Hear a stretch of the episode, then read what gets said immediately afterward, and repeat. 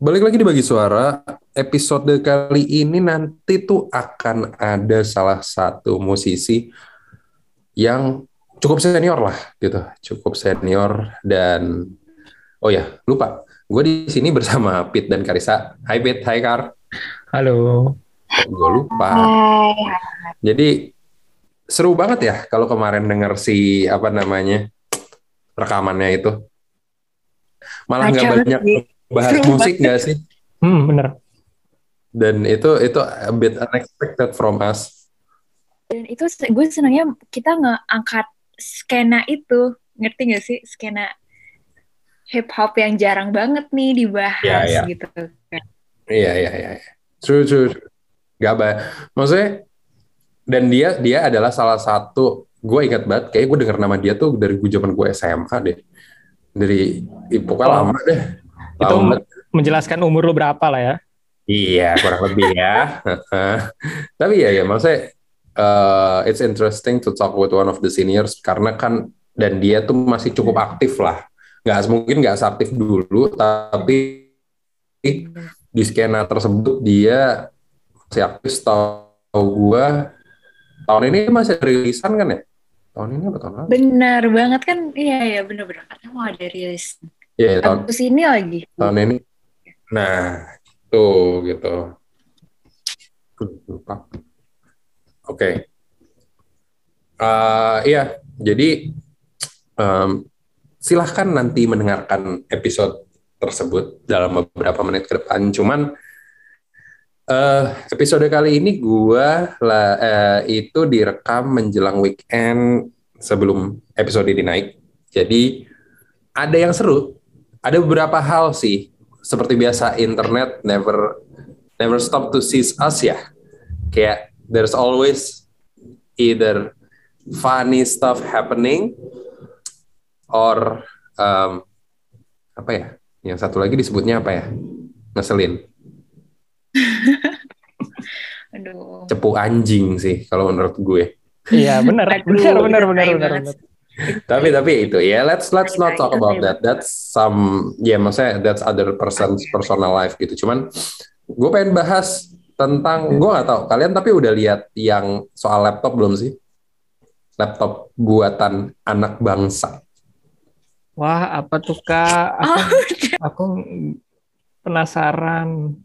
baik. Enggak ya tapi serius kalian kalian udah udah sempat baca atau lihat belum Udah, soal udah, isu? udah. eh bukan isu sih ya itulah gue nggak tahu tapi Pit lu itu tahu nggak sih itu diproduksi sama siapa Em, kalau yang gue baca ya itu diproduksi sama eh, perusahaan Zirex. Jadi perusahaan Zirex itu kan Zirex tuh lokal ya Zirex itu lokal Oh, gitu.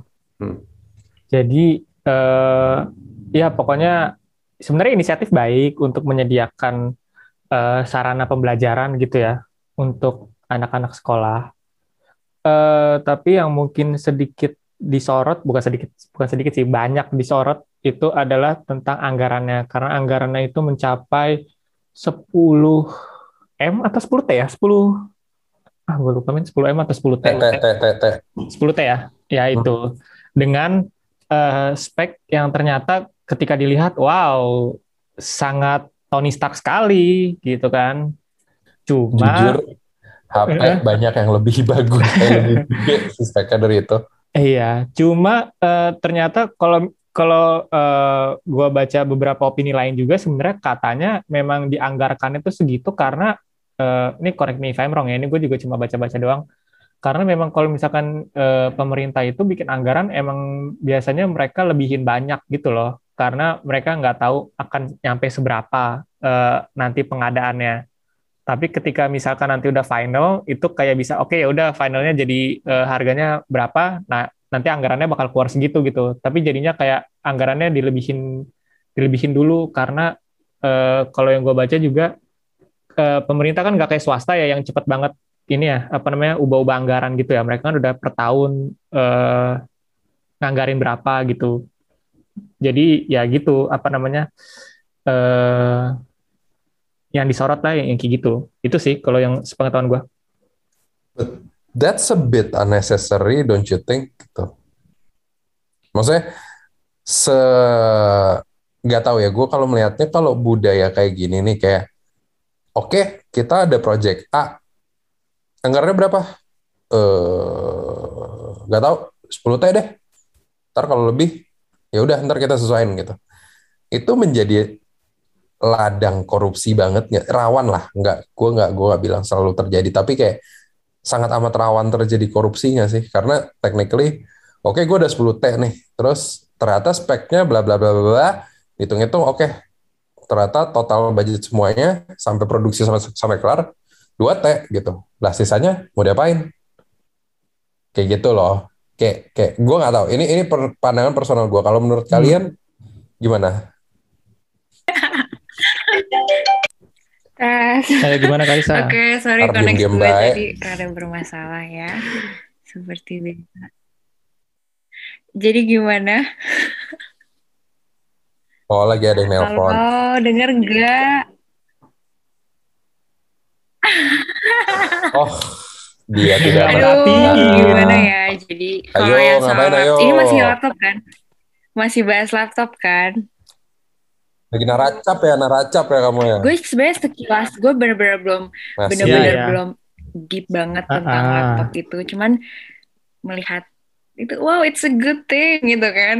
Uh, akhirnya anak karya anak bangsa lagi nih gitu. Cuman uh, cuman kenapa namanya mesti yang gitu banget gitu ya? Ya nggak sih kayak kalau gue namanya apa sih emang Oh iya Merdeka atau namanya apa ya? seperti biasa Betul, apa namanya merah kan? putih merah putih Nggak, maksudnya it's a good thing tahu gitu ada. kayak oke emang kayaknya emang harus itu ya itu kayak sebuah Oh. kewajiban gitu nggak sih namanya yang kayak gitu ya nggak apa-apa sih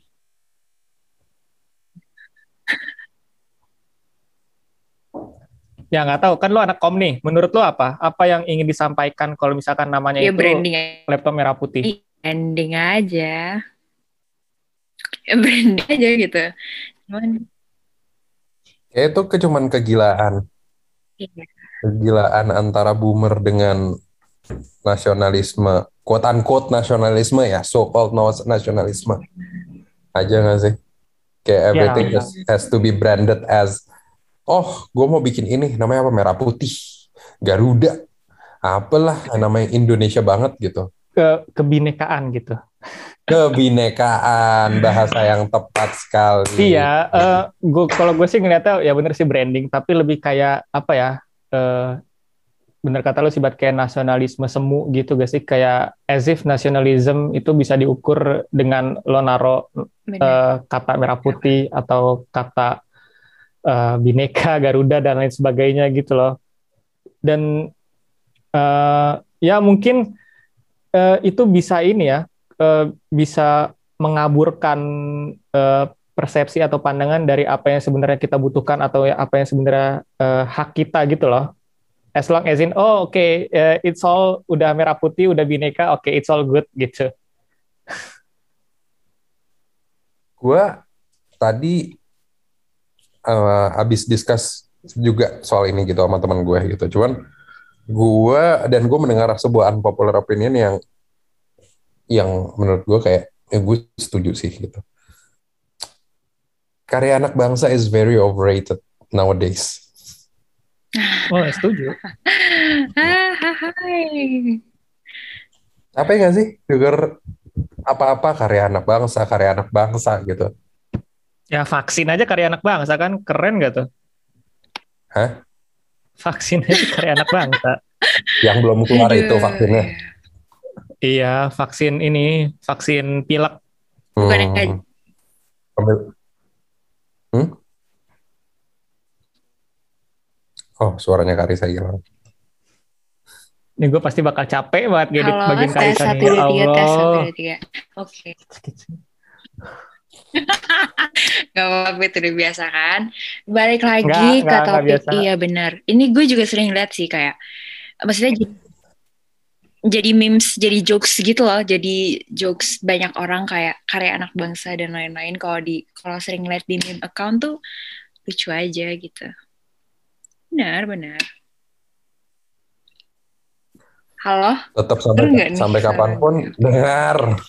Sampai kapan pun uh, udah nggak usah edit edit fit. Mau saya nggak usah edit terlalu banyak. Yang tadi gue teriak-teriak kayak denger dan lain sebagainya nggak usah dihilangin lah. Biarin aja biar kayak kelihatan zoomnya. Thank you. Anyway anyway um, iya iya iya. Bener sih maksudnya it's it's becoming a joke gitu. An, uh, uh, a quite unfunny joke lama-lama lah gitu. Di mana dari nasionalisme semua hmm. gitu apa pun dibilang ya karya anak bangsa merah putih dan lain sebagainya gitu. Nah gue gua nggak tahu nih. Gue udah mulai tahun ini gue 30 tahun gitu which made me ya jadi orang yang mungkin sudah lewat quote unquote lewat prime-nya lah gitu. Belum udah, lagi lah lo mau hidup sampai berapa udah, udah, udah, udah gak, gak bisa dibilang anak muda lagi aja gitu yang masih punya idealisme and all that stuff gitu. Yeah, tua. Kalian berdua kalian berdua nih masih fresh nih. Fresh banget gitu. Tapi dengan semua ini gitu dengan uh, dengan melihat let's say yaitu dari pemerintahan seperti itu gitu. Dan ya yeah, I, I I know that you guys already also ya mengikuti berita berita-berita tentang pemerintah lah uh, di porsi kalian masing-masing gitu. Terus juga yaitu tadi karya anak bangsa yang overrated dan lain sebagainya. Kalian tuh ada gini, kalian masing-masing lebih ke arah optimis atau pesimis dengan apa pun yang eh dengan masa depan dari negara kelahiran kalian ini. Ayo Karisa. Karisa ayo jawab dulu Karisa. Oh, gue kira mau lo dulu Pit. Enggak mau. Enggak, udah tadi Pit udah. Kalau gue sih ini gue 50-50 ya. Aduh, gue harus taking side ya. Tapi kalau taking side gue um, optimis sih dengan catatan generasi yang menggantikan yang di atas beneran tergantikan gitu loh kayak beneran apa namanya beneran harus tergantikan gimana ya kayak sebenarnya kan ini masalah ya, ya regenerasinya yang, harus total lah ya. yang sering gue lihat tuh kayak iya total. Maksudnya kan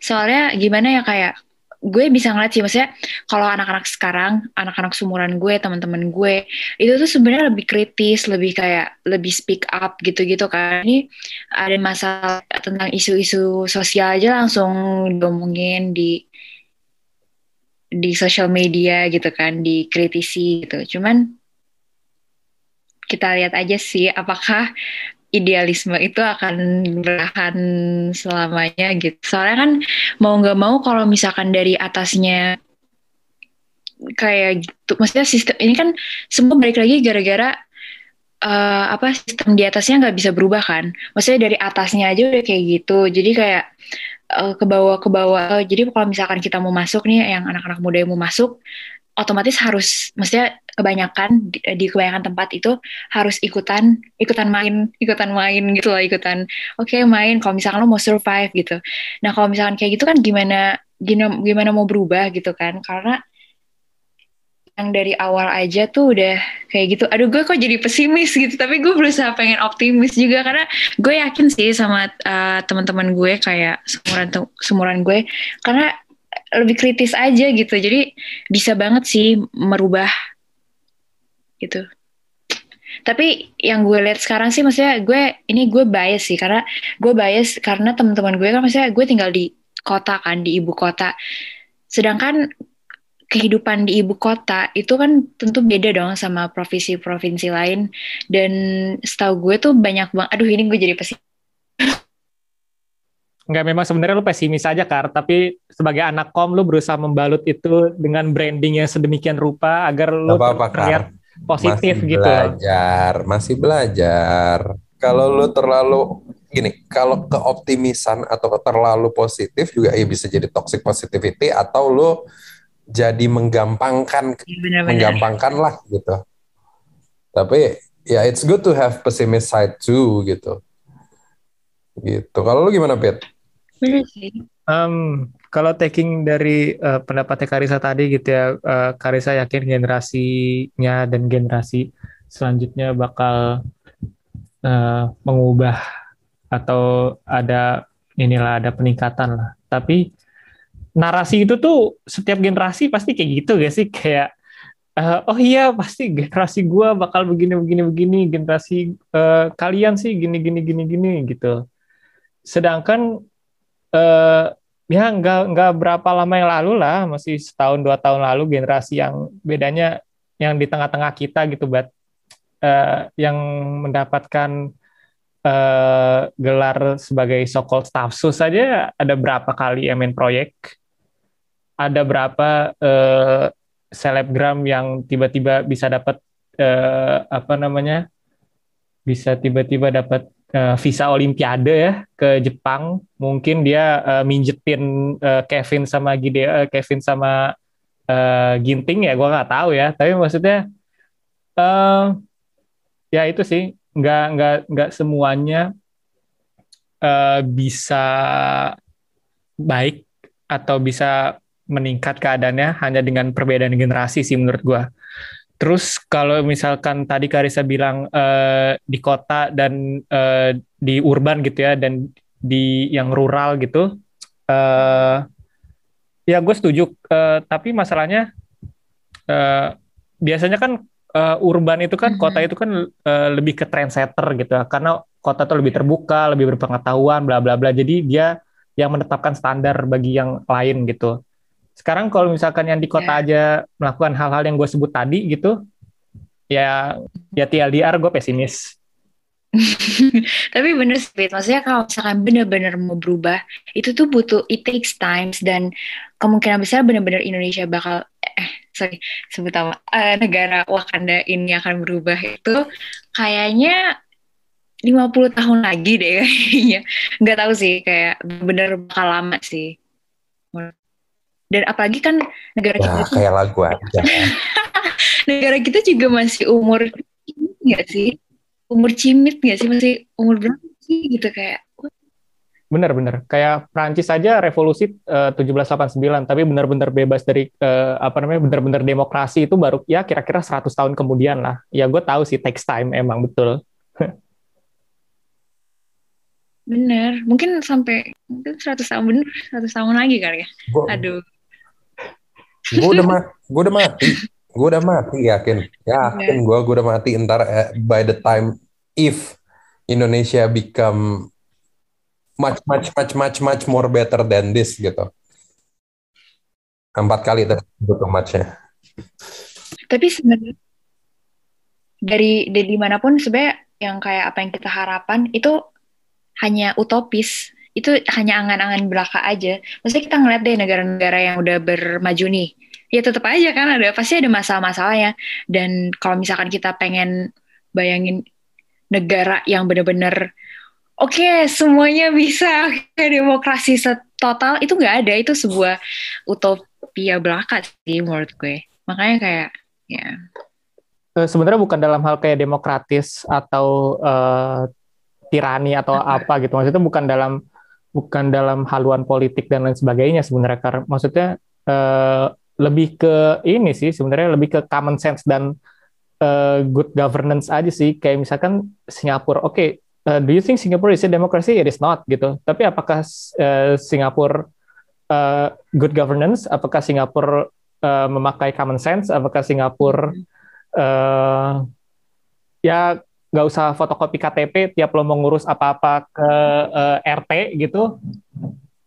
Uh, Singapura udah nggak gitu kan gitu. Tapi uh, ya pasti argumennya kayak ya Singapura kan negara kecil bla bla bla bla in which I understand. Ini lucu sih, maksudnya gue kayak gue sering dulu pas gue masih kecil, gue kayak sering dengar kayak um, oke okay, kamu jangan main ke politik ya gitu-gitu dan pas gue tanya kenapa emangnya? gitu. Uh, soalnya pokoknya gini gini gini terus kayak dan gue jadi kalau gue ngeliat sekarang tuh gue jadi kayak oh oke okay, I got it. Biasanya orang berusaha keras untuk uh, maju untuk jadi caleg dan lain-lain. Itu kan mereka ngeluarin duit banyak. Maksudnya campaign dan lain-lain itu kan gak murah ya. Dan mungkin mungkin orang-orang tersebut tapi ini enggak semuanya ke gue nya ini dan gue uh, bias straight uh, gue bias banget sih pasti pastinya karena gue kan nggak tahu kan karena gue cuman dari luar jadi asumsi gue doang kayak uh, gue ngeliat kayak mungkin orang-orang tersebut yang udah ngeluarin duit banyak buat nyalek dan lain-lain. Mereka berharap dengan mereka dapat kursi dan berada di atas itu mereka bisa balik modal. Makanya mereka ikutan main mungkin untuk beberapa orang gitu kan. Maksudnya ini lingkaran setan ya sih jatuhnya? Kayak butuh dan gara-gara kapitalis, kapitalis minded, ini sih yang sangat gue kapita, karena kapitalis Iya, uh, ngomong-ngomong partisipasi politik, coba kita tanya ke uh, Jerbat ya, yang orang-orang di generasinya sudah ada beberapa yang masuk ke politik gitu. Bagaimana pendapat lu tentang orang-orang di generasi lu yang Susah masuk sih. politik, Bat? Susahnya dalam artian gini, gue nggak tahu what will happen in the future lah gitu. We we can talk all day about how gener how boomer, how generation X ruin our lives, ruin the pathway of everything di Indonesia lah quote unquote kasarnya gitu cuman it's all about power menurut gue gue nggak tahu nih ketika nantinya misalnya pun generasi gue generasi lo gitu on the top of the chain ketika kita jadi ada di posisi yang sama kayak mereka sekarang. Will it be better gitu? Kalau kalau kita sekarang sama mereka menurut gue yang perbedaan gapnya banget adalah komunikasi. How we communicate is hmm. much better than them lah gitu. Mau itu kita ngobrol dengan generasi ya dengan teman kita dengan yang seumuran atau yang ke atas gimana ke bawah gimana gitu. Karena kita udah terpapar terbantu. Ah, kita adalah generasi yang udah mulai digital yang mana kita bisa mendapatkan informasi dari mana aja. Kita quote unquote bisa cep, pinter lebih cepat. Nah itu nah kalau yang generasi di atas sekarang yang gue lihat adalah susah buat komunikasi gitu. Susah buat komunikasi, tidak ada keigeran untuk belajar lagi gitu. Yang mana membuat mereka quote unquote close minded. Nah, ketika mereka masih berkuasa jadi ibaratnya ya nggak usah teman-teman gue deh pasti kalian juga udah banyak, lihat banyak meme di Twitter atau di mana pun yang kayak ah dulunya aktivis 98 memperjuangkan reformasi bla bla bla ketika masuk ke pemerintahan well kayak gitu kan jadi Exactly. Ya jadi itu sih itu nakutin sih. Hmm. Gimana ya? Tapi gini, kalau kalau gini, kalau kalau menurut gua kita sekarang lebih punya banyak ruang. Maksudnya kita tuh pasti masing-masing punya mm -hmm. care tentang isu-isu tersendiri lah gitu yang yang mana ya walau if it's ya gini kasarnya misalnya gampangnya gini deh gua uh, bukan gua sih oke okay. uh, badai dan bas memulai bagi kata bagi kata tackle isu mental health. Gue peduli dengan isu itu. Oke, ya udah gue bantu mereka gitu. Yang mana akhirnya ya udah ada bagi kata berjalan sampai sekarang gitu. Sekarang banyak anak-anak muda kayak kalian yang peduli dengan isu-isu sosial tertentu gitu. Dan mereka udah bisa punya akses buat ah gue nggak gue nggak harus bergantung sama pemerintah nih gitu I want to make Indonesia better in my on my own way dan gue tahu gue nggak bisa dan udah pada tahu dari dari dini lah gitu. Sedari even mungkin dari SMA gitu udah tahu kayak ah pemerintah gue kurang kompeten quote unquote kompeten nih kayak gue kalau ntar ke depannya gue mendingan kerja sama swasta lah. Awal pemikirannya itu kan ketika udah peduli dengan isu-isu tertentu kayak ah ya udahlah mending gue ngejalanin ini sama teman-teman gue lah. Gue mulai sendiri lah dan sebagainya gue mau ngedistrap hmm. uh, industri-industri tertentu lah gitu. Itu kan pasti pada akhirnya kita dan generasi gue dan generasi lo mikir ya udah emang gue bisa gue lebih baik sendiri daripada gue direcokin sama pemerintah. Pasti mikirnya gitu. Jadi ya mostly mostly. Bener-bener. Dan ini gue jadi keinget sih ini kayak um, agak promosi ini. agak promosi ya dengan episode-episode sebelumnya. Ayo dengarkan ya. Tapi itu sih yang kayak salah satu mungkin gue tadi nggak terlintas ya, tapi setelah lo mention itu gue jadi kayak oh iya nih kayak oke okay, oke okay, iya bener juga bener juga bener-bener karena kayak senangnya sih maksudnya ada loh orang-orang peduli dan ya seperti bisa dilihat dari episode um, sebelum-sebelumnya bisa dilihat itu gitu kan. Ya nggak sih kayak bukti nyatanya tuh beneran ada. Ini loh orang-orang salah satu orang dari sekian banyak. Ya ya. Bener. Kayak apa yang kita uh, omongin di bagi suara itu uh, ada orang-orang dengan kosnya masing-masing yang ingin mereka perjuangkan masing-masing gitu kan. Tanpa tanpa adanya campur tangan uh, ya dalam tanda kutip pemerintah gitu. Iya, tapi ya itu Betul. tetap aja ujung-ujungnya kan mau kita bikin apa pun segede apa pun kasarnya ya, maksudnya let's say Nadim William Tanuwijaya gitu, building Tokopedia, building Gojek gitu. Um, kan mereka pasti ada kegelisahan lah gitu dimulai dari kegelisahan tentang sektor-sektor industri yang tertentu lah atau kegelisahan juga buat di Indonesia kok di luar negeri udah kayak gini di sini kok enggak gitu. Keywordnya tuh itu gitu. Um, and then they build their company gitu. Sekarang ketika udah gede pun gue tidak melihat Indonesia tuh membantu itu. Membantunya ini gini dalam artian oke okay, masalah terbesar Indonesia apa sih? Infrastruktur. Kayak kita kita udah punya nih e-commerce secanggih Tokopedia. Lo you can buy anything from that. Tapi itu fully digital. Tapi sekarang what happened? Ada sistem COD kenapa? Karena infrastruktur belum menjangkau semua tempat di Indonesia. Sistem COD ini agak dumb down dari konsep e-commerce itu sendiri gitu yang memudahkan orang tinggal terima selesai.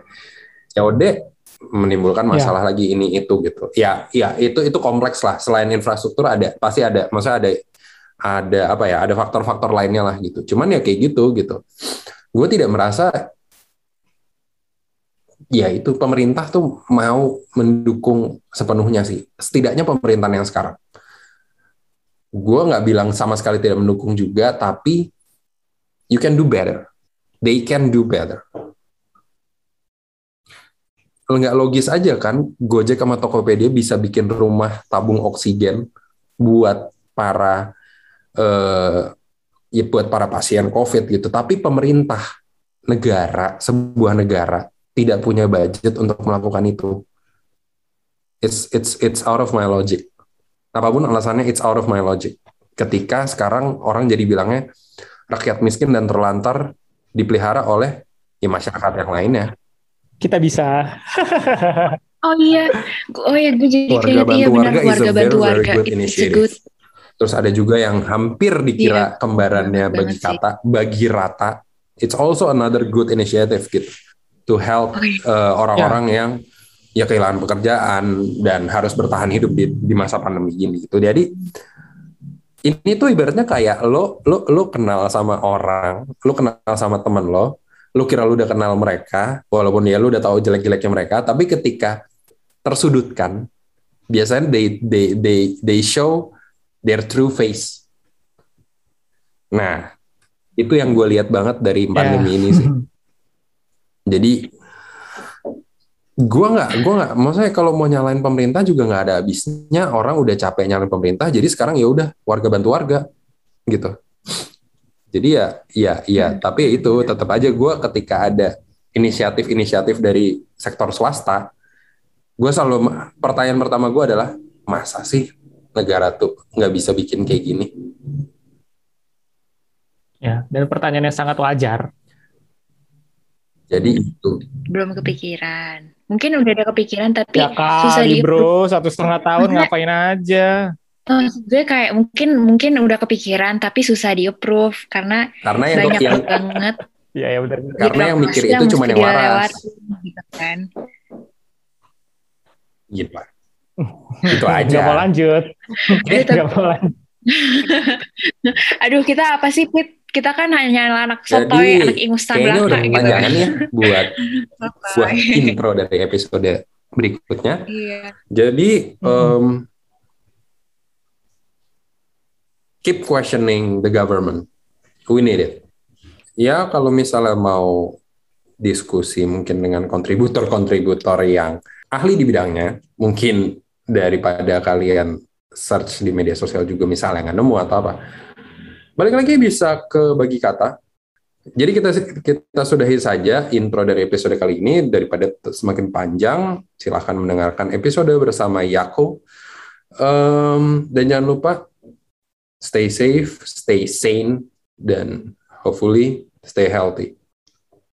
Selamat mendengarkan. Wow, we got so many good or talented rappers. Um, you guys should check them out gitu. Kita ada Lace, kita ada uh, Tuan 13, kita ada Ramen Girl. Oh, aku dengar. Yes. Terus kemudian kita ada siapa lagi ya? Bass Boy. Banyak sebenarnya rapper-rapper di Indonesia itu kita nggak ngomongin yang dari Jakarta aja. Tapi kalau kita tarik dari Aceh sampai Papua itu justru sekarang lagi gila-gilanya. Gak gampang buat perempuan itu di di rap eh, karena lingkungan kita yang sangat patriarkal. Artinya pada saat nge-rap tuh kadang-kadang uh, yang terjadi adalah double standard gitu. Uh, misalnya nge-rapnya baru baru lah baru mulai nge-rap gitu udah dijudge gitu. Ya elah nggak bisa nge-rap jelek lagi gitu. It's really important to have a, a good support system. Tuh support system ini bisa keluarga bisa teman ya kan? Bisa uh, siapa pun yang uh, it's there without judging you gitu. Karena uh, yang paling kita tidak mau pada saat kita depres atau anxiety atau lagi down itu kan diceramahin ya gitu. Kita pengennya kan didengerin ya kan? Nah at least having someone yang stood by us gitu stand by us terus bisa dengerin itu itu itu udah cukup sih gitu. At least you you don't feel alone.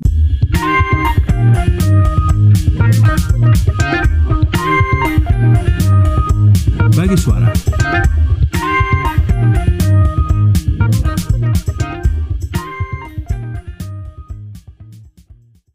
Halo teman-teman bagi suara, kembali lagi dengan Nauli dan di episode hari ini aku bakal perdana host sendiri nih. Nah, Kali ini aku bakal ditemenin sama seorang rapper sekaligus dosen, yaitu Mbak Yako. Hai Mbak Yako.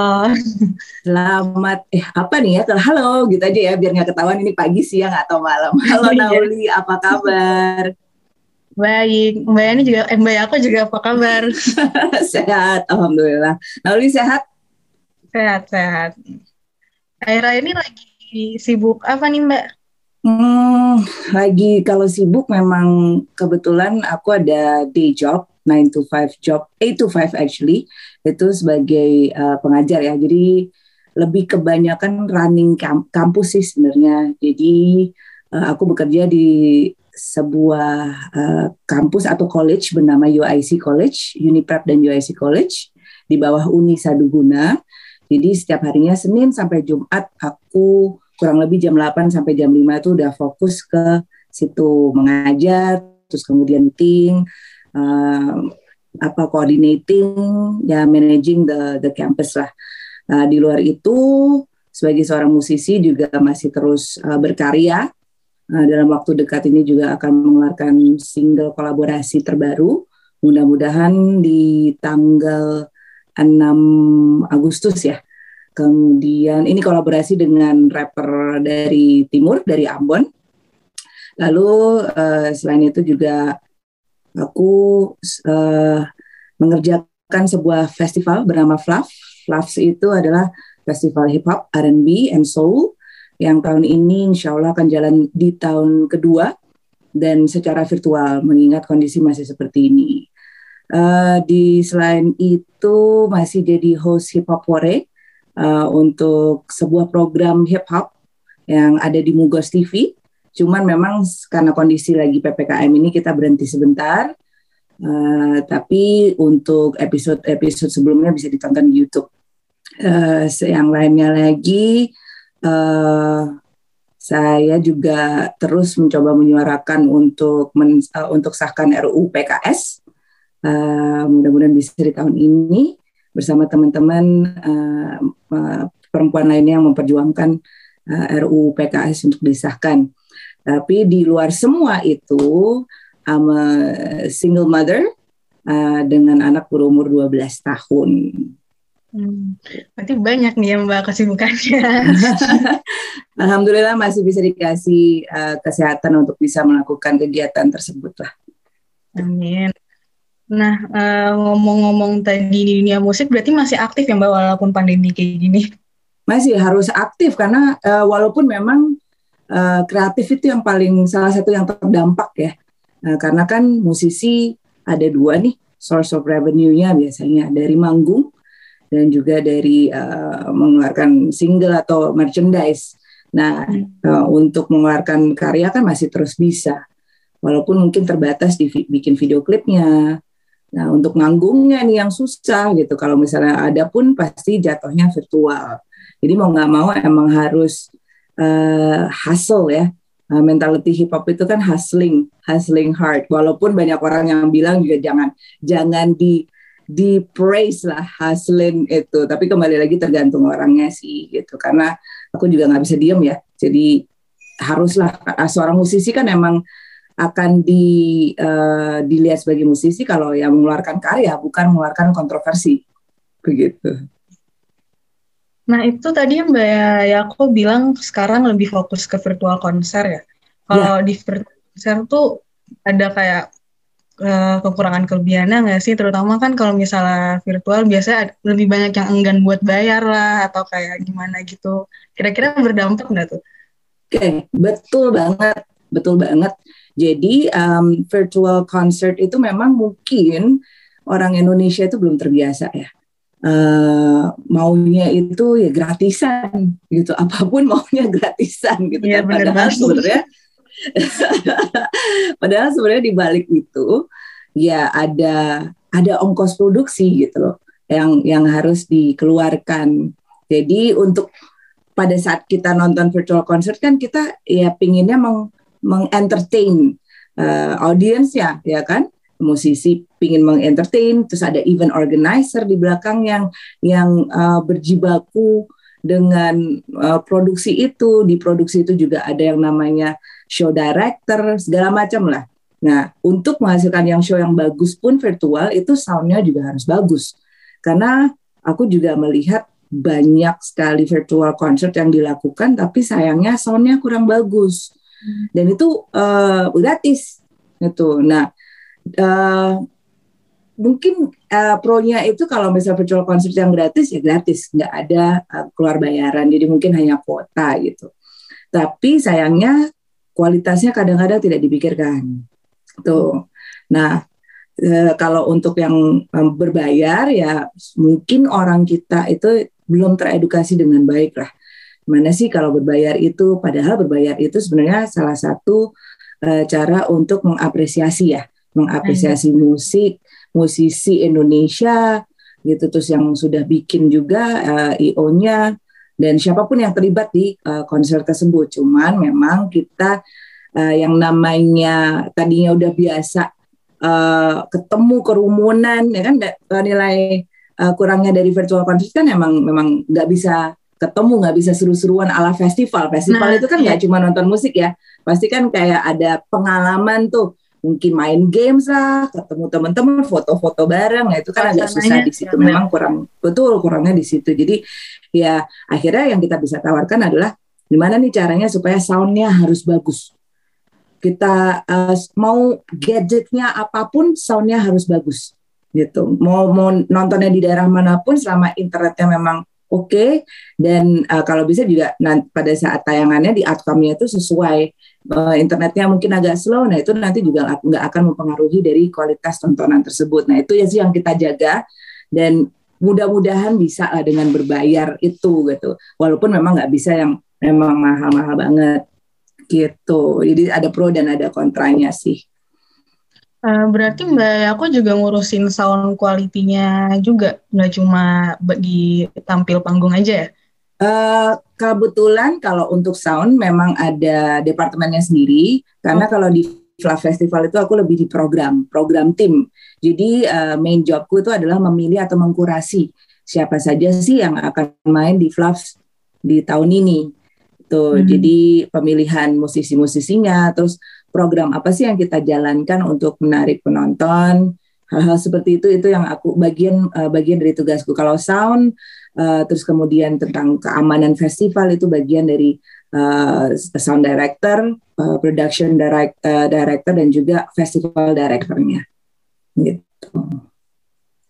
Uh, selain sound tadi kan yang paling penting kayak untuk dilihat di konser tuh suasananya nih. Kan kalau hip hop itu serunya kalau kita ketemu penonton terus mungkin nge-rap bareng ya kalau sama Bayako. Nah, kalau kayak gitu cara Bayako ngesiasatin nge-engage penontonnya gimana? Kan sekarang udah nggak bisa.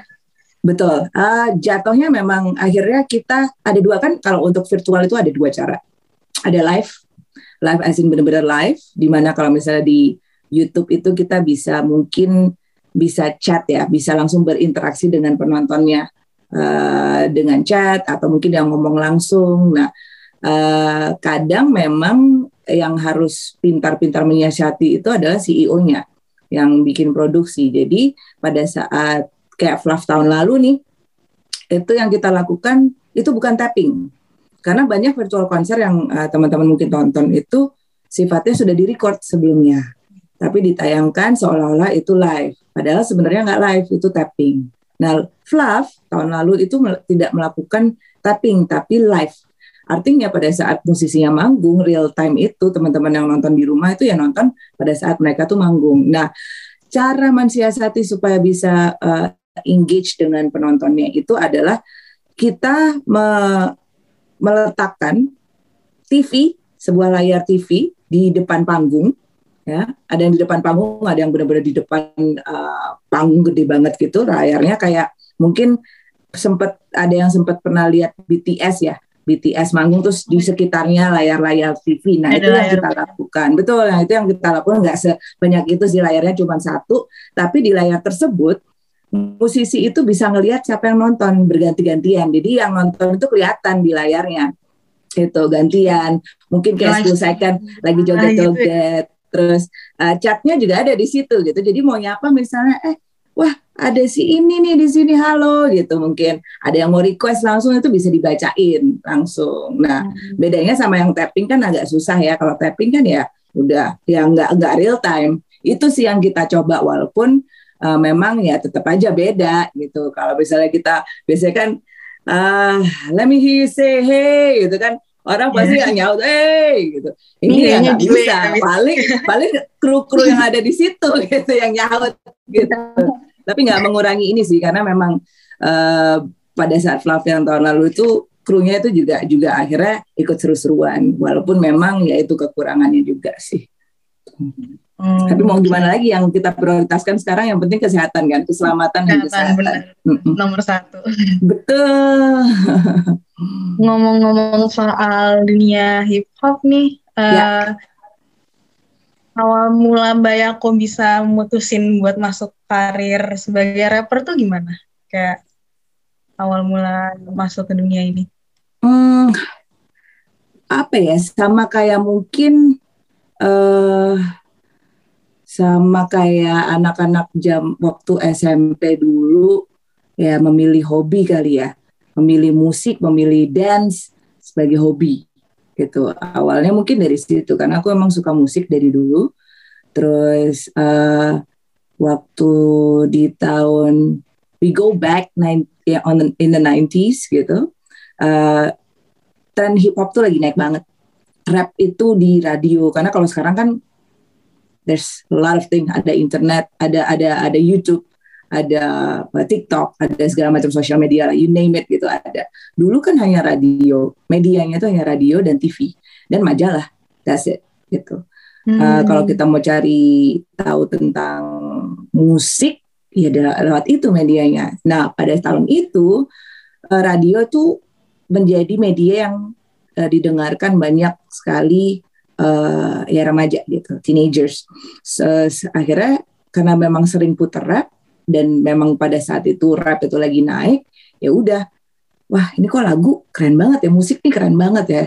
uh, pas denger tuh kayak make yourself apa ya humming or like nodding your head gitu. Kayak Hmm. tiba-tiba ngangguk-ngangguk kayak gitu. Langsung dapet feel-nya gitu ya. iya you get the feel gitu. You get the good vibes. So ya udah. Dari situ kok penasaran gitu. Akhirnya mulai me- mencari tahu seperti apa sih siapa aja sih musisi-musisinya kayak apa. Nah dari situlah emang ngerasa cocok dari di rap dan memutuskan untuk someday I'm gonna be a rapper I'm gonna release an album I'm gonna be moving to Jakarta karena waktu itu di Surabaya. Dan Iya. ya ya udah aku mau jadi rapper gitu aja. Dan eh, ya akhirnya sampai sekarang deh masih masih, Masih ada di sini lah gitu. Mm-mm. Nah kan tadi Mbak Yako bilang gara-gara denger lagu yang lagi ngetren dan lain-lain gitu. Kira-kira ada kayak tiga lagu yang ngebentuk eh, Mbak Yako untuk terjun ke dunia rap ini nggak? Yang kayak jadi lagu turning point-nya gitu, yang bener-bener Ah, bikin kayak okay. good question turning point lagu turning point ya Um, at that time mungkin eh, ada satu lagu dari Kid Rock itu Back from the Dead itu satu. And then uh, Rage Against the Machine Bomb Track eh, sama lagu-lagunya mungkin Salt and Pepper atau The Gable Hmm. Planets pada saat itu itu sih. Walaupun sebenarnya ada Naughty by Nature, Run DMC dan segala macamnya. Cuman I think those are the three songs atau three musicians yang kayak benar begitu denger pertama kali denger sih Kid Rock sih itu gokil banget nih lagu kayak energinya itu parah banget keren banget seru banget gitu like want, makes you wants to jump up and down gitu automatically gitu sih Duh, aku nggak tahu sih Mbak lagu-lagunya. Coba liriknya Mbak bisa contohin nge-rap gitu. oh my god. Aduh, aduh kalau misalnya liriknya contohin uh, nge-rap, um, I don't really remember. Like, uh, here I go, here I go, here I go again. Cross my, cross what my witness, a witness, something like that lah. Oh ya, shup, shup, beru, shup, beru. Shup, beru, beru, beru. It's like itu Masih salt inget ya berarti. masih masih ingat. Tapi yang jelas nggak tahu ya emang pasti di zaman kamu udah kayaknya udah nggak nggak nggak tahu ya lagu-lagu tersebut. Sih kebetulan. Except uh, bo- uh, mungkin Rage Against the Machine yang sampai sekarang mungkin masih masih relevan lah gitu. Tapi you have to really dig deeper to listen to uh, Rage Against the Machine. Gitu. Kebetulan aku juga masih nggak tahu sih. It's alright. Namanya juga beda generasi. Iya benar. Berarti kamu dengerin hip hopnya apa dong? Aku dengerin Kamu dengerinnya apa? Aku lebih ke pop sih sekarang. Lebih ke pop ya. Oke, tapi benar-benar sama sekali nggak ter- pernah terpapar lagu-lagu rap ya. Ada sih mungkin yang aku dengerin kayak yang Travis Scott, yang Ah. lebih ada di radio gitu sih. Oke, Kendrick Lamar gitu ya. Ya. Travis Scott, oke, Cardi B.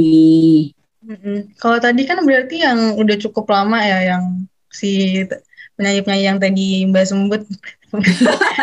Apalin dong namanya.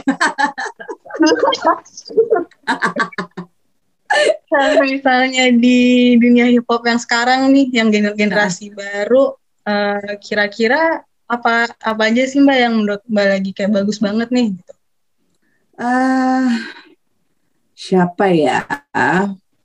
Um, honestly, gua, eh, aku nggak terlalu dengerin. Ah, mungkin Run the Jewel, terus si eh, siapa namanya yang baru keluarin album?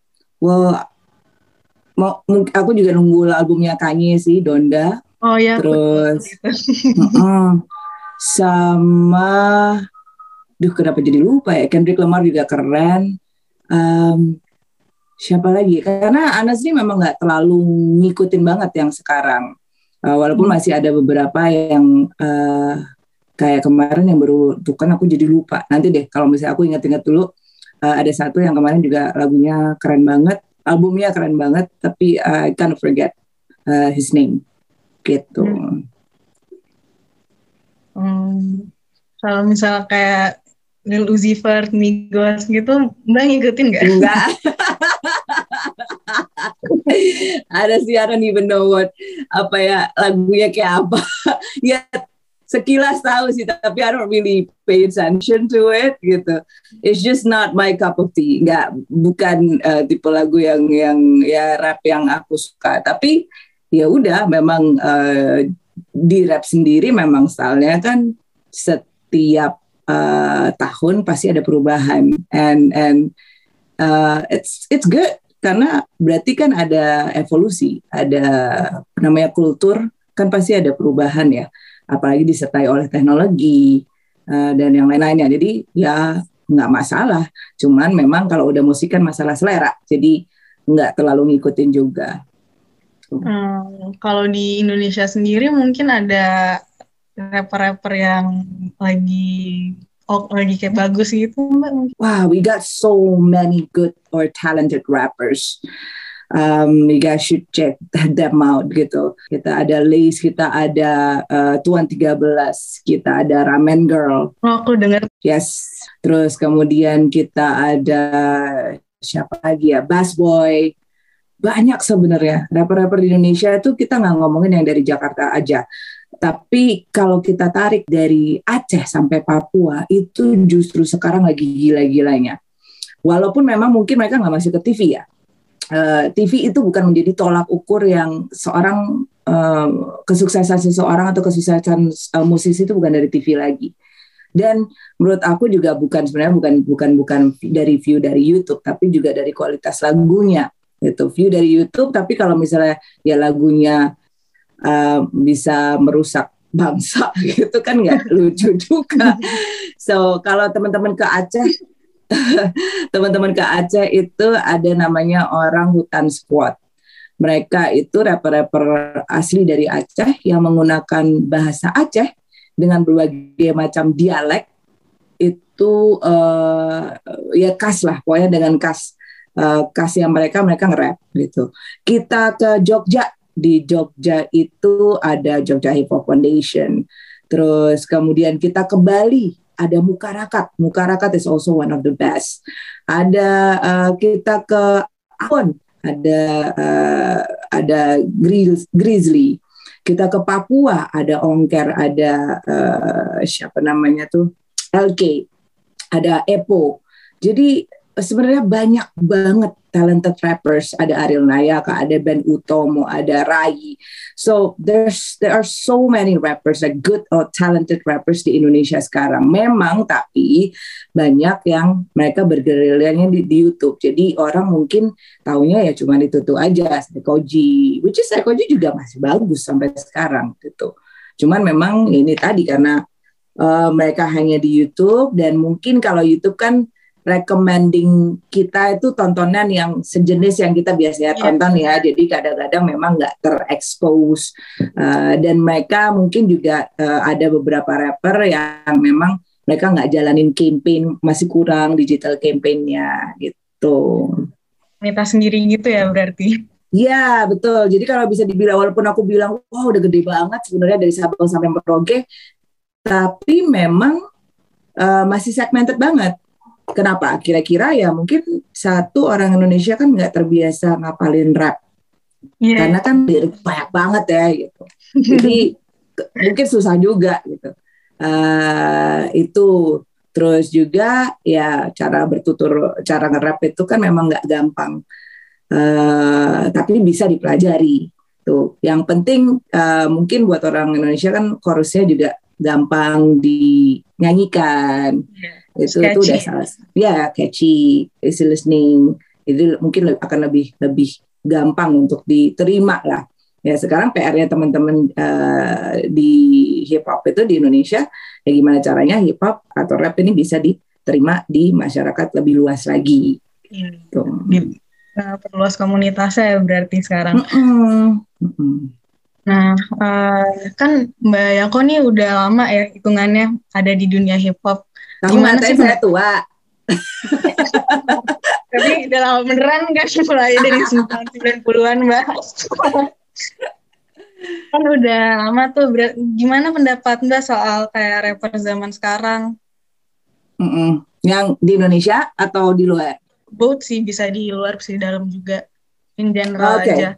Ah, ya mungkin sebenarnya udah sempat aku singgung ya tadi kalau yang di luar banyak yang talented, banyak juga yang menggunakan rap sebagai medium komunikasi, eh, medium mereka berkarya gitu. Tapi eh, banyak juga yang sifatnya ya ikut-ikutan gitu, yang eh, wah eh, trennya lagi kayak gini ah ikutan nge-rap gitu. Nggak ada salahnya, nggak ada salahnya karena kalau misalnya memang ternyata bagus ya berarti kan uh, it's a it's a uh, apa ya it's a treasure for us gitu itu harta karun buat musisi Indonesia gitu kalau kita ngomongin lokal ya gitu dan uh, cuman masalahnya uh, ya sebagai musisi kan harus punya karya yang bisa dipertanggungjawabkan jadi misalnya nih uh, rapnya tentang uh, apa sih about dra- uh, apa gangsta gitu tembak-tembakan segala macam gitu. Iya. Ya mungkin kalau di Priok bisa ya kata begitu gitu. Cuma it's not where I live dan that's not my lifestyle gitu. Jadi ya Hmm. kembali lagi buat aku it's not real gitu. Nah, kalau kita ngomongin real dan nggak real itu kan masih banyak tuh perdebatan-perdebatan. Oh nggak real tuh itu nggak real. Tapi kembali lagi kalau buat aku real nggak real itu relatif. Karena kalau memang ternyata hidupnya dia penuh dengan uh, drugs dan apa uh, ya tembak-tembakan dan segala macamnya Hmm. buat dia real ya udah silakan. As- If that's make what you think is real then ya be it. But that's for you.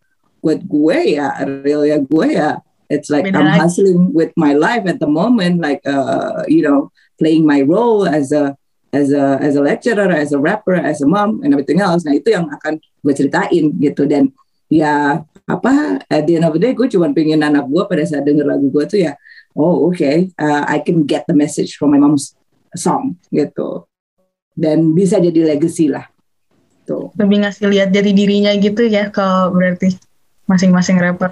Ya, well, uh, hopefully. Tapi kembali lagi, setiap rapper punya objektif yang berbeda. Uh, karena nggak ada batasan. Silahkan, gue nggak mengotak-ngotakan seorang rapper tuh harus begini, harus begitu. Silahkan aja, explore aja gitu. If you feel comfortable in it, then just do it. Itu adalah jalan yang lo pilih sebagai rapper gitu. Intinya gini, I respect you, tapi gue belum tentu suka karya lo Nah, gitu. Mm-mm. gitu ya, ya soalnya karena soalnya bikin karya nggak nggak mudah gitu kan ada ada prosesnya juga gitu pun ya kadang-kadang aku ngeliat juga sih ada karya ini apa sih ngomong apa ya relatif juga kan ya soalnya. iya gitu Kalau untuk perubahannya sendiri apa sih Mbak yang paling kerasa di skena rap dari yang sekarang nih yang udah modern Right. sama dulu di tahun 90-an gitu. Oke, ada beberapa yang pasti teknologi menjadi faktor sangat penentu untuk perubahan tersebut. Eh, dari mulai teknis eh, rekaman ya. Kalau dulu kan rekaman, eh, kemudian proses produksi sebuah beat itu, eh, musik itu nggak gampang. Nggak ada tuh yang namanya home recording tuh nggak ada. Jadi kalau mau eh, rekaman ya, you have to find a proper eh, studio dan produser musik yang pada saat dulu itu nggak banyak ya, eh, produser-produser biasanya ya produser pop, produser gede lah gitu. Dan ya eh, dulu mungkin nggak banyak yang pakai komputer dan segala macam, harganya juga masih mahal. Nah sekarang bedanya sekarang tuh everyone anyone can be a beat maker, beat maker ya. Kita Iya. ngomongin beat maker beda dengan produser musik karena beat maker ya udah lo cuma bikin kayak beat doang yang drum pattern uh, ada harmonian dikit ya udah itu beat maker. Anyone can be a beat maker gitu. Dan banyak sekali mungkin yang ngeluarin lagu di, di luar sana ya udah ada beat nge-rap keluarin, ada beat nge-rap keluarin gitu. Lebih simpel ya berarti sekarang. Simple, simple. Nah, tapi simple itu bagus. Hanya saja tetap aja kalau kita ngomongin sebuah karya musik itu kan harus ada quality quality dari soundnya kan harus dipikirin.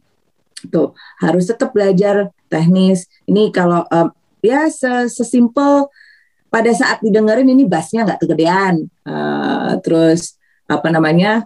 eh, mungkin harmoninya nggak cempreng apa gimana. Jadi teknik-teknik mixing itu mixing, mastering itu juga harus dipikirin oleh seorang beatmaker yang di mana sebenarnya beatmaker itu mungkin nggak mikirin itu. Uh, uh, jadi lebih lebih condong mungkin ya uh, harus jadi produser musik gitu. Walaupun pekerjaannya bisa dilakukan di rumah gitu.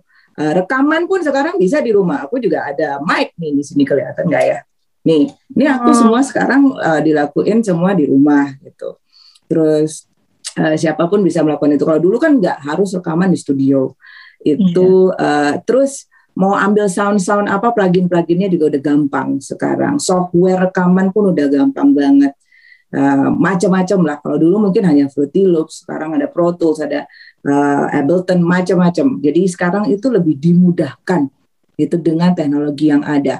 Ada autotune juga, oh, suaranya bisa macam-macam ya kan. Nah, itu perbedaan terbesar. Yang kedua adalah informasi dengan uh, kalau dulu kan nulis lirik ya uh, referensinya paling dari majalah, dari radio itu itu aja, TV juga gitu-gitu aja. Cuman sekarang mau cari tahu referensi kan bisa cari dari Genius, dari Google gitu. Uh, bahkan mungkin bisa aja gampang banget copy paste segala macam. Nah itu cuman bagusnya sebenarnya memudahkan untuk explore, memudahkan untuk mencari inspirasi. Tuh. Tapi downside-nya gampang banget untuk plagiat ya. Iya. iya. Jadi kan sekarang banyak banget tuh ada yang plagiat lagunya siapa, plagiat lagunya siapa gitu. Terus habis itu nanti ketahuan minta maaf ya kan. Uh, hal-hal seperti itu. Kalau dikit doang gitu ya. mm -mm. Terus uh, yang ketiga apa ya? Ya yang ketiga mungkin dari uh, dari pen, uh, apa ya? appearance ya mungkin ya, penampilan dari style kalau dulu kan ya lebih ke old school hip hop gitu yang ya uh, ya udah jarang aja yang rambutnya warna-warni, tato sampai ke mana-mana gitu. Ya tato mungkin udah dari dulu lah, cuman yang rambutnya warna-warni, giginya nggak karuan segala macem gitu. Dan dia Iya kayak yang pakai lil-lil lah gitu rata-rata gitu kan.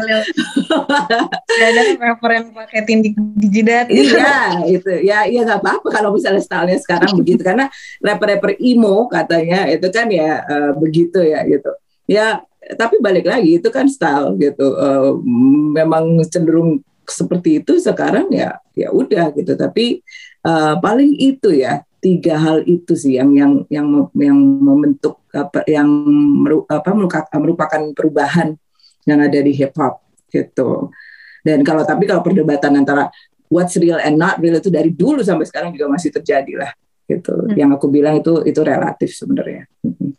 Kalau dari komunitasnya sendiri ada kayak rasa beda gitu nggak Mbak? Mungkin dari uh, cara mereka kayak asosiasinya dan lain-lain gitu. Komunitasnya ya mungkin gini ya. Uh, hip hop itu sebenarnya udah menjadi budaya pop sebenarnya. Uh, a lot of people actually listening to hip hop dan juga menggunakan gayanya atau stylenya.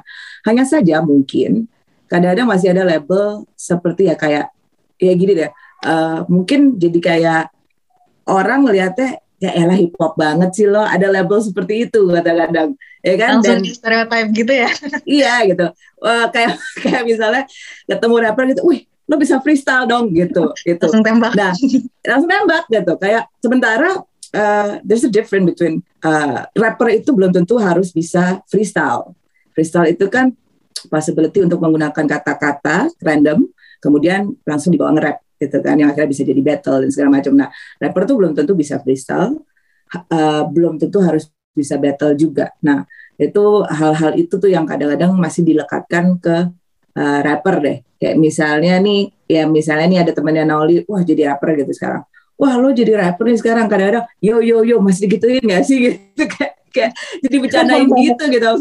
Oh my god masih ya kayak gitu gitu Uh, terus yang ya gaya-gayanya kan emang rapper kan emang gayanya yang kayak wah gitu kan. Ya gitu. Apa? tinggi siapa gitu. Nah itu tuh kadang-kadang tuh masih ya mungkin karena memang stylenya beda ya gitu lah. Yang emang agak-agak it's different it's standing out gitu stand out gitu. Jadinya orang ya begitu ngeliat anak rap atau hip hop itu udah ketahuan tuh wah itu hip hop dari style fashionnya aja sendiri kan sebenarnya berbeda. Iya gitu. udah beda dari yang lain juga. Mm -mm, mm -mm. Gitu uh, deh. Ngomong-ngomong soal freestyle tadi Mbak Mbak Yako nonton nggak di Netflix Rhythm and Flow? Iya nonton nonton nonton itu seru banget. Itu seru banget. I love I love that show gitu. Keren banget pemenangnya juga keren banget. Hmm. Kamu nonton juga? Enggak sih, cuma tahu aja. Eh, apa ya menarik aja sih bahwa ya eh ya nggak mudah gitu kan. Emang bahkan di luar sana pun competitionnya kan sangat-sangat tinggi gitu ya untuk menjadi rapper gitu dan emang ya apa ya ya dari sana emang dari Amerika kan it's from the US jadinya competitionnya it's so high dan ya it's not easy to be a rapper in the US Eh, kalau dari Mbak Yako sendiri ada yang favorit gitu nggak di dari dari series itu? Ah, I, I kind of forget his name tapi ya ya yang sekarang aku masih follow itu eh ya siapa sih cewek ada tuh kan? Aku agak-agak lupa sama namanya. Ada namanya Bean eh London B yes that's one. Enggak eh ah, dia ah, damn gue lupa namanya something with bean Eh, ada bean-beannya gitu deh Yeah, exactly. Bean, right. I love her. Gue suka banget sama Bean. Terus sama The First Winner itu juga keren sih. The First Winner itu juga keren banget. Siapa namanya lupa aku. Dia dia yes di Smoke. And yes, true true. Dia di nominate di Grammy kan ya? Eh, I think so. Ah, benar benar benar. Jadi emang dia kan bisa nyanyi juga ya, suaranya keren juga dan eh, dan ternyata ya keluarganya emang musisi gitu. Itu keren banget sih. Hmm. I think. And that's the kind of music that I love to listen to. Gitu kayak emang pesannya tuh kuat banget gitu. Oke. Eh, ngomong-ngomong soal dunia hip hop nih, kan sekarang mental health itu lagi diungkit banget ya karena orang-orang lebih aware soal masalah itu. Yes. Lagi di dunia hip hop, dunia hip hop yang setidaknya kalau di luar tuh terkenal kayak keras banget. Kalau di sini kira-kira eh, what's your take on the role of mental health awareness di skena rap ini? Terutama Okay. di Um, people address mental health itu different, uh, different ya, uh, differently like from one to another. Banyak yang memang belum teredukasi dengan baik gitu. Bahkan sebenarnya si emo rap ini menurutku itu juga muncul dari keresahan. Hip hop sendiri muncul dari keresahan memang, keresahan ekonomi uh, yang akhirnya di uh, apa namanya dikeluarkan lah lirik-lirik itu melalui karya gitu. Dan I think uh, rap itu berhasil, rap itu menjadi medium yang sangat bagus untuk seseorang untuk bercerita. Salah satunya ya apabila ya terus terang aku kalau misalnya lagi bikin lirik dan I feel like benar-benar lagi down itu gampang banget.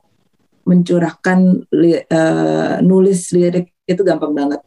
Eh, terus kemudian jadiin satu lagu itu dan there are so many rappers out there yang memang addressing uh, using uh, rap itu as a platform sebagai kendaraan uh, untuk bercerita dan emo rap itu juga salah satunya ya banyak yang uh, cerita tentang uh, yang mereka rasakan itu jadi ada dua uh, dua sisi nih.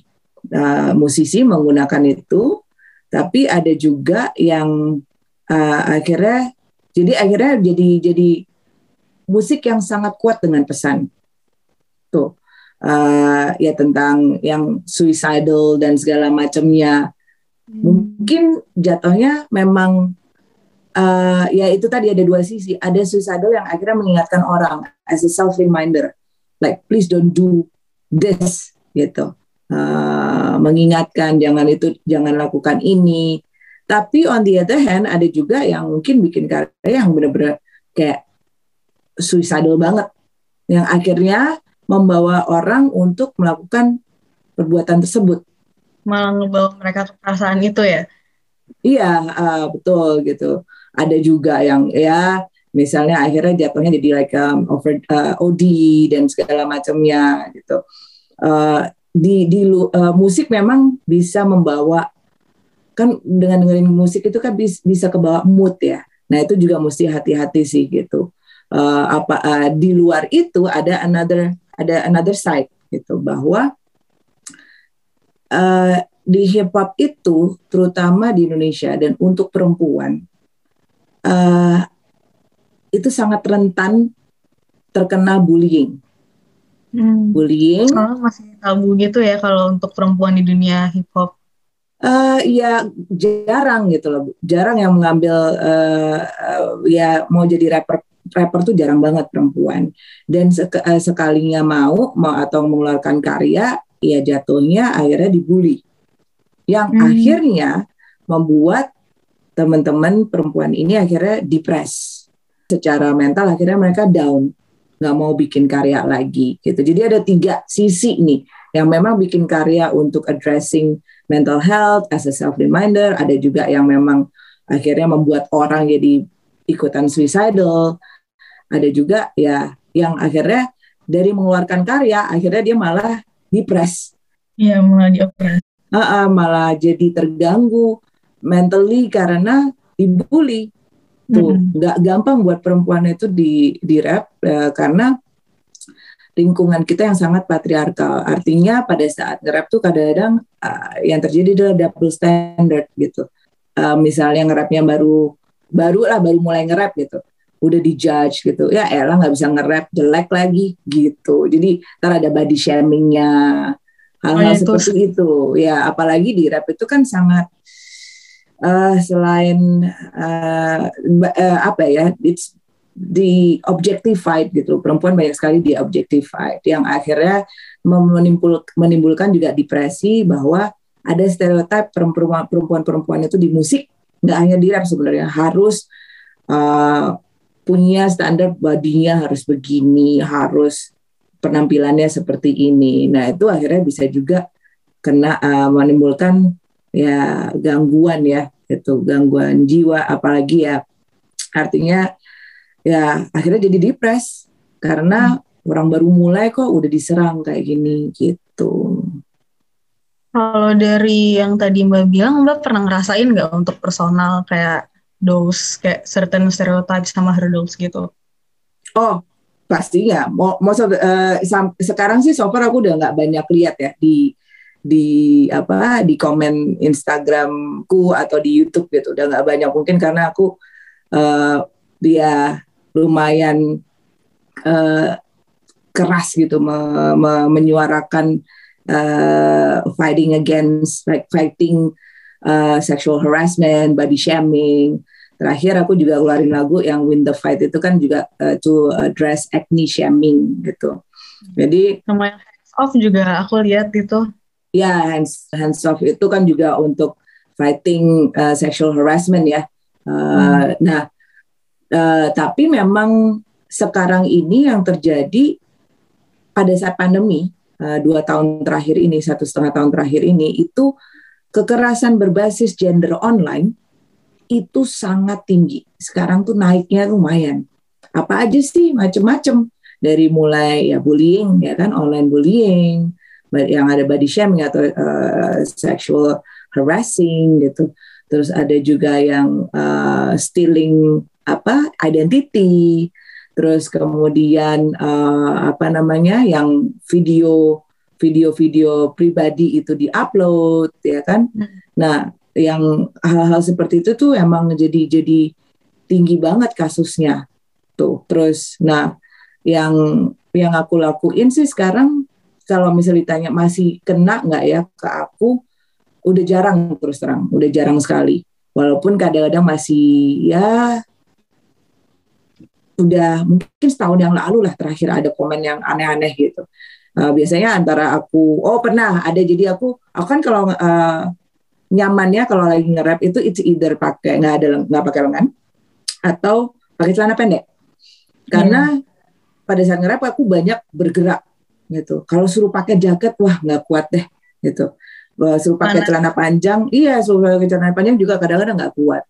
Uh, bu, bukan arti mau pamer tato atau apa enggak gitu. Hanya emang karena aku gampang keringetan. Ini aja sekarang gampang keringetan banget. Gitu. Hmm. Apalagi kalau nge-rap di atas panggung. kenyamanan sih ya. Iya, untuk kenyamanan gitu. Nah, post foto di Instagram cuman pakai kaos gede. Padahal aku pakai celana gitu. Eh, wah keren, eh, ada komen, wah keren mbak. Eh, cuman lebih bagus lagi kalau pakai eh, celananya selutut. Emang kenapa? Apa gue. Gitu.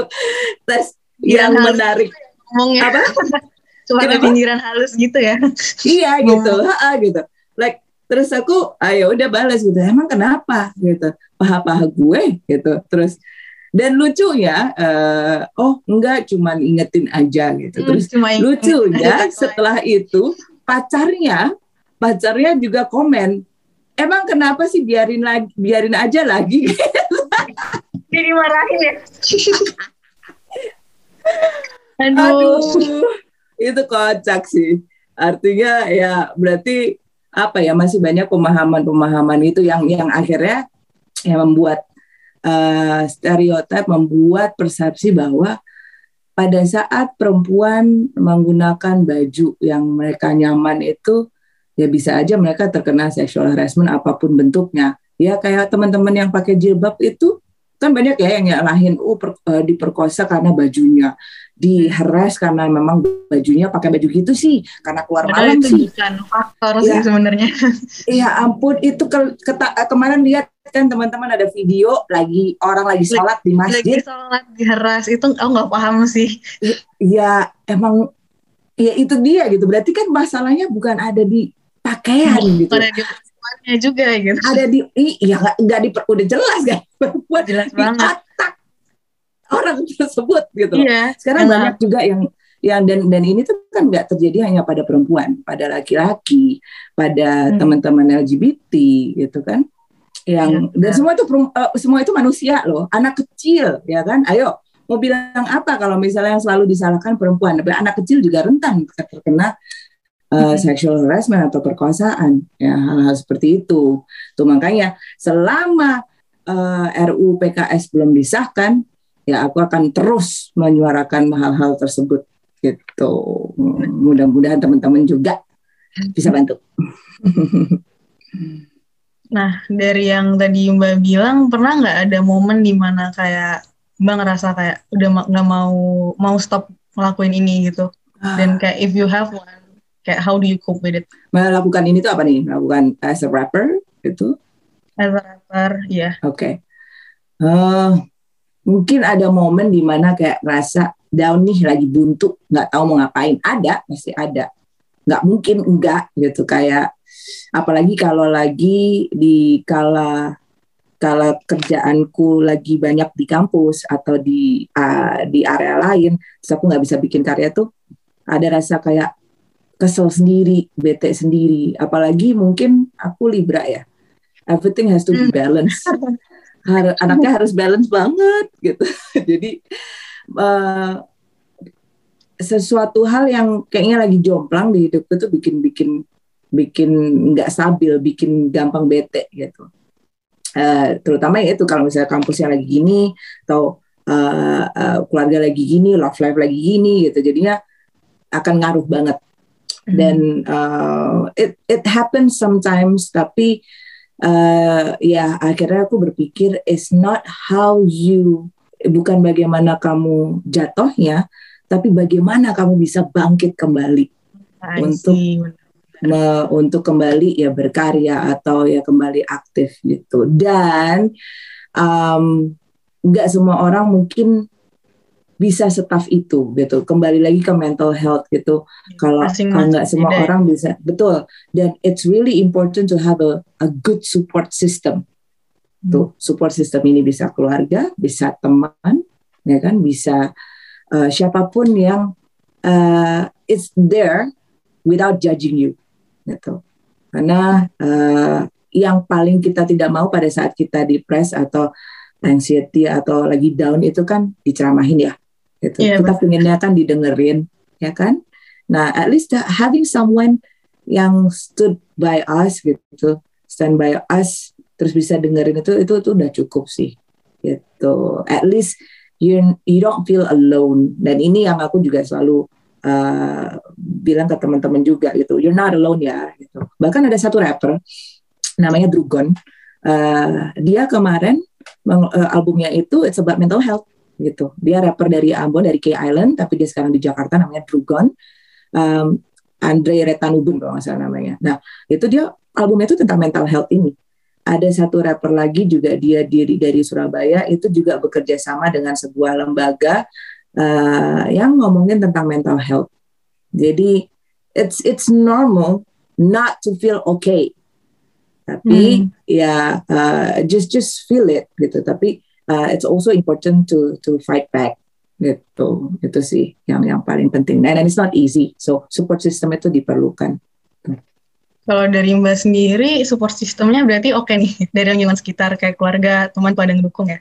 Ya, yeah, um, well there are ya pastinya, maksudnya family it's always been uh, circle pertama ya, uh, nyokap, my daughter, just kemudian uh, teman-teman baik gitu, my partner juga.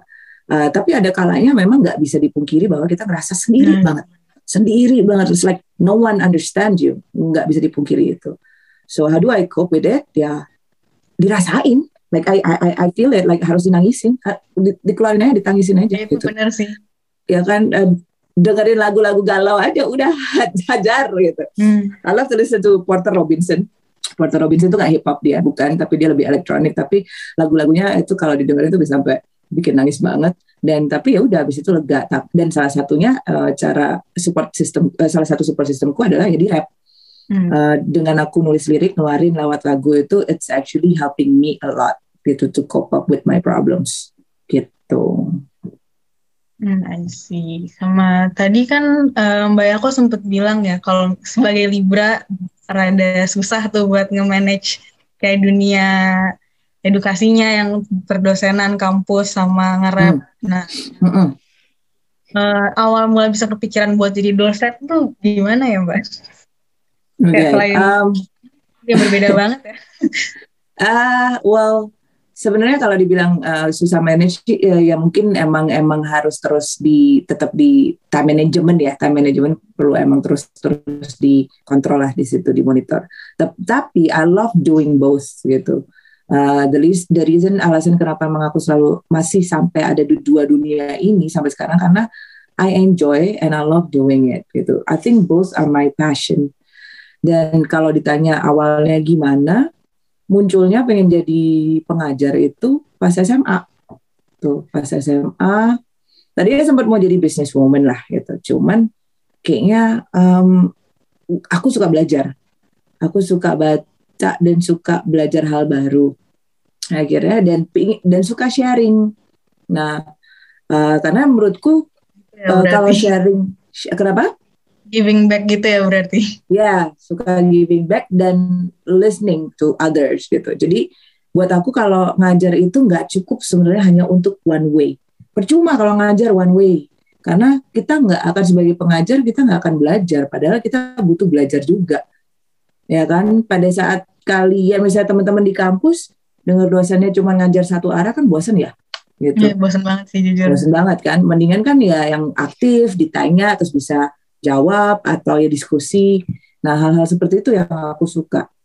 Nah, akhirnya memang ambil kuliahnya sebenarnya uh, bisnis, terus sempat ambil applied IT juga. Uh, pas balik habis selesai kuliah itu apa ya sambil itu rap itu udah uh, keluarin album pertama kan 2005 walaupun aku sebenarnya sudah keluarin single tuh tahun di, di Pesta Rap 2 tahun 96 gitu.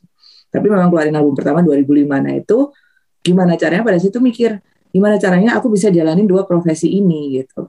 Uh, profesi apa yang yang memungkinkan aku bisa fleksibel, bisa jalanin musik dan ngajar.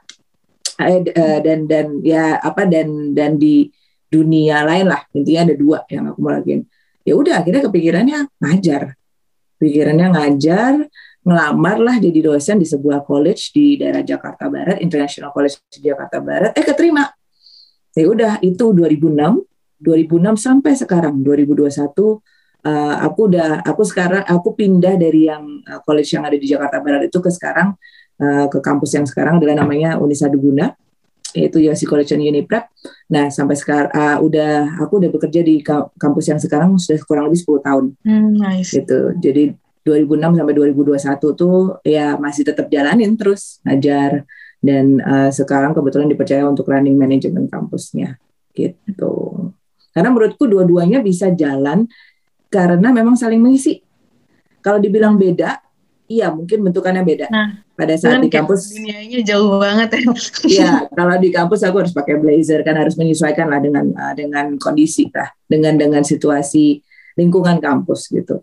Tapi aku sangat bersyukur bahwa kampus yang sekarang itu, uh, yang sebelumnya juga itu sangat menerima apa adanya. Jadi mereka nggak lihat tadi casing gitu kan, uh, apa wah kok bentuknya gini banget, apa ya banyak banget segala macam. Nggak nggak ngelihat itu. Yang penting ya memang performance gitu performanya seperti apa. Dan menurutku dari musik dan seorang dosen itu nggak bisa cuma jadi dosen ngajar aja.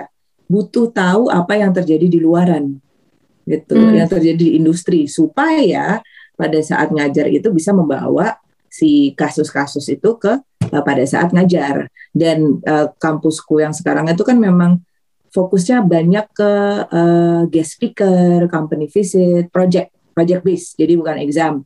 Artinya uh, aku bisa membawa guest speaker dari luar untuk dijadikan project kampus gitu. Misalnya nih um, waktu itu lagi ngajar digital marketing uh, terus aku bawa campaign uh, yang se- uh, sebuah brand kemarin itu di uh, untuk digital marketing ini. Nah mereka up- uh, update mereka bikin uh, campaign marketingnya lagi gitu. Nah hal seperti itu. Terus pernah uh, ngajak juga teman-teman dari Holabek, ja- uh, sorry dari mana ya waktu itu Uh, program mampu. Program mampu itu sebuah program untuk uh, apa mengempower perempuan.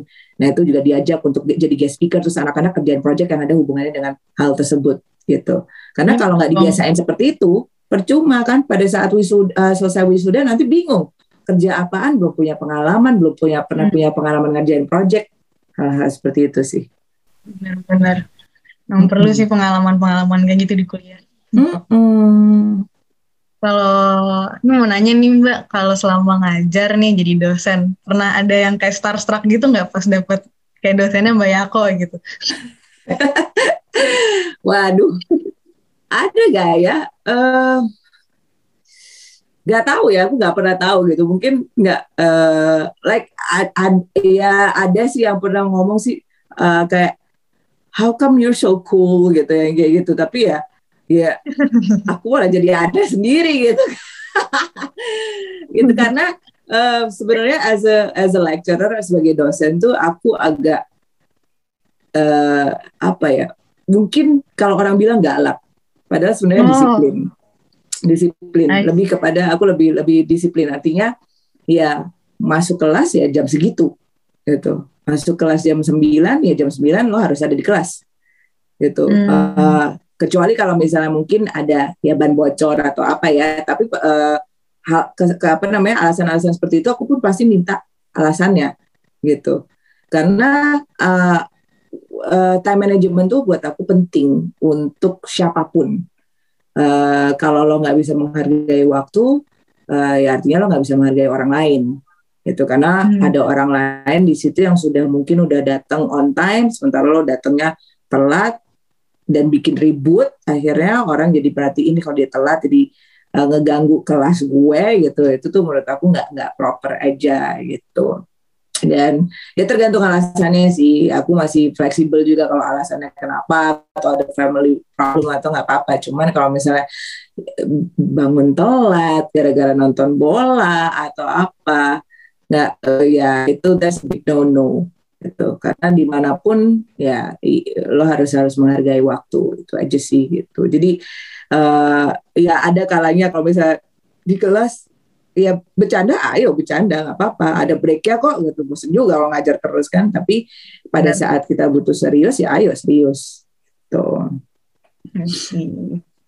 Nah, ini kita udah seru banget ngobrol nih dan kayak just like all the good things it must come to an end. oh gitu nih udah udahan aja udah cukup lama juga nih, Mbak. oh iya iya nggak berasa loh nggak boleh nih gantian aku yang nanya-nanya Kenapa? nggak boleh gantian aku yang nanya-nanya kamu Nanti podcastnya bukan aku dong gestarnya. Bukan aku dong gestarnya. Ada yang mau dipromo dari Mbak Yakonya, mungkin single baru yang tadi atau gimana?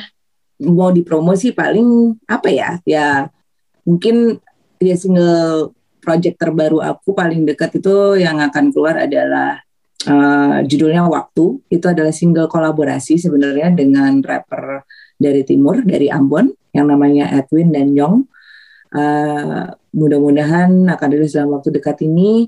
Lagunya bercerita tentang bagaimana kita menghargai waktu, waktu seseorang yang kadang kita nggak pernah sadar bahwa orang tersebut selalu ada di di, di hidup kita, bahkan waktu orang yang kita nggak kenal tapi berusaha mati-matian untuk menyelamatkan hidup kita. Contohnya mungkin tenaga medis, tenaga kesehatan, uh, penggali makam, terus kemudian petugas kebersihan, uh, bapak-bapak, ibu-ibu yang bekerja di pasar, siapa pun yang memang berjasa untuk membuat hidup kita menjadi lebih nyaman. So lagu itu uh, diperuntukkan untuk uh, mereka.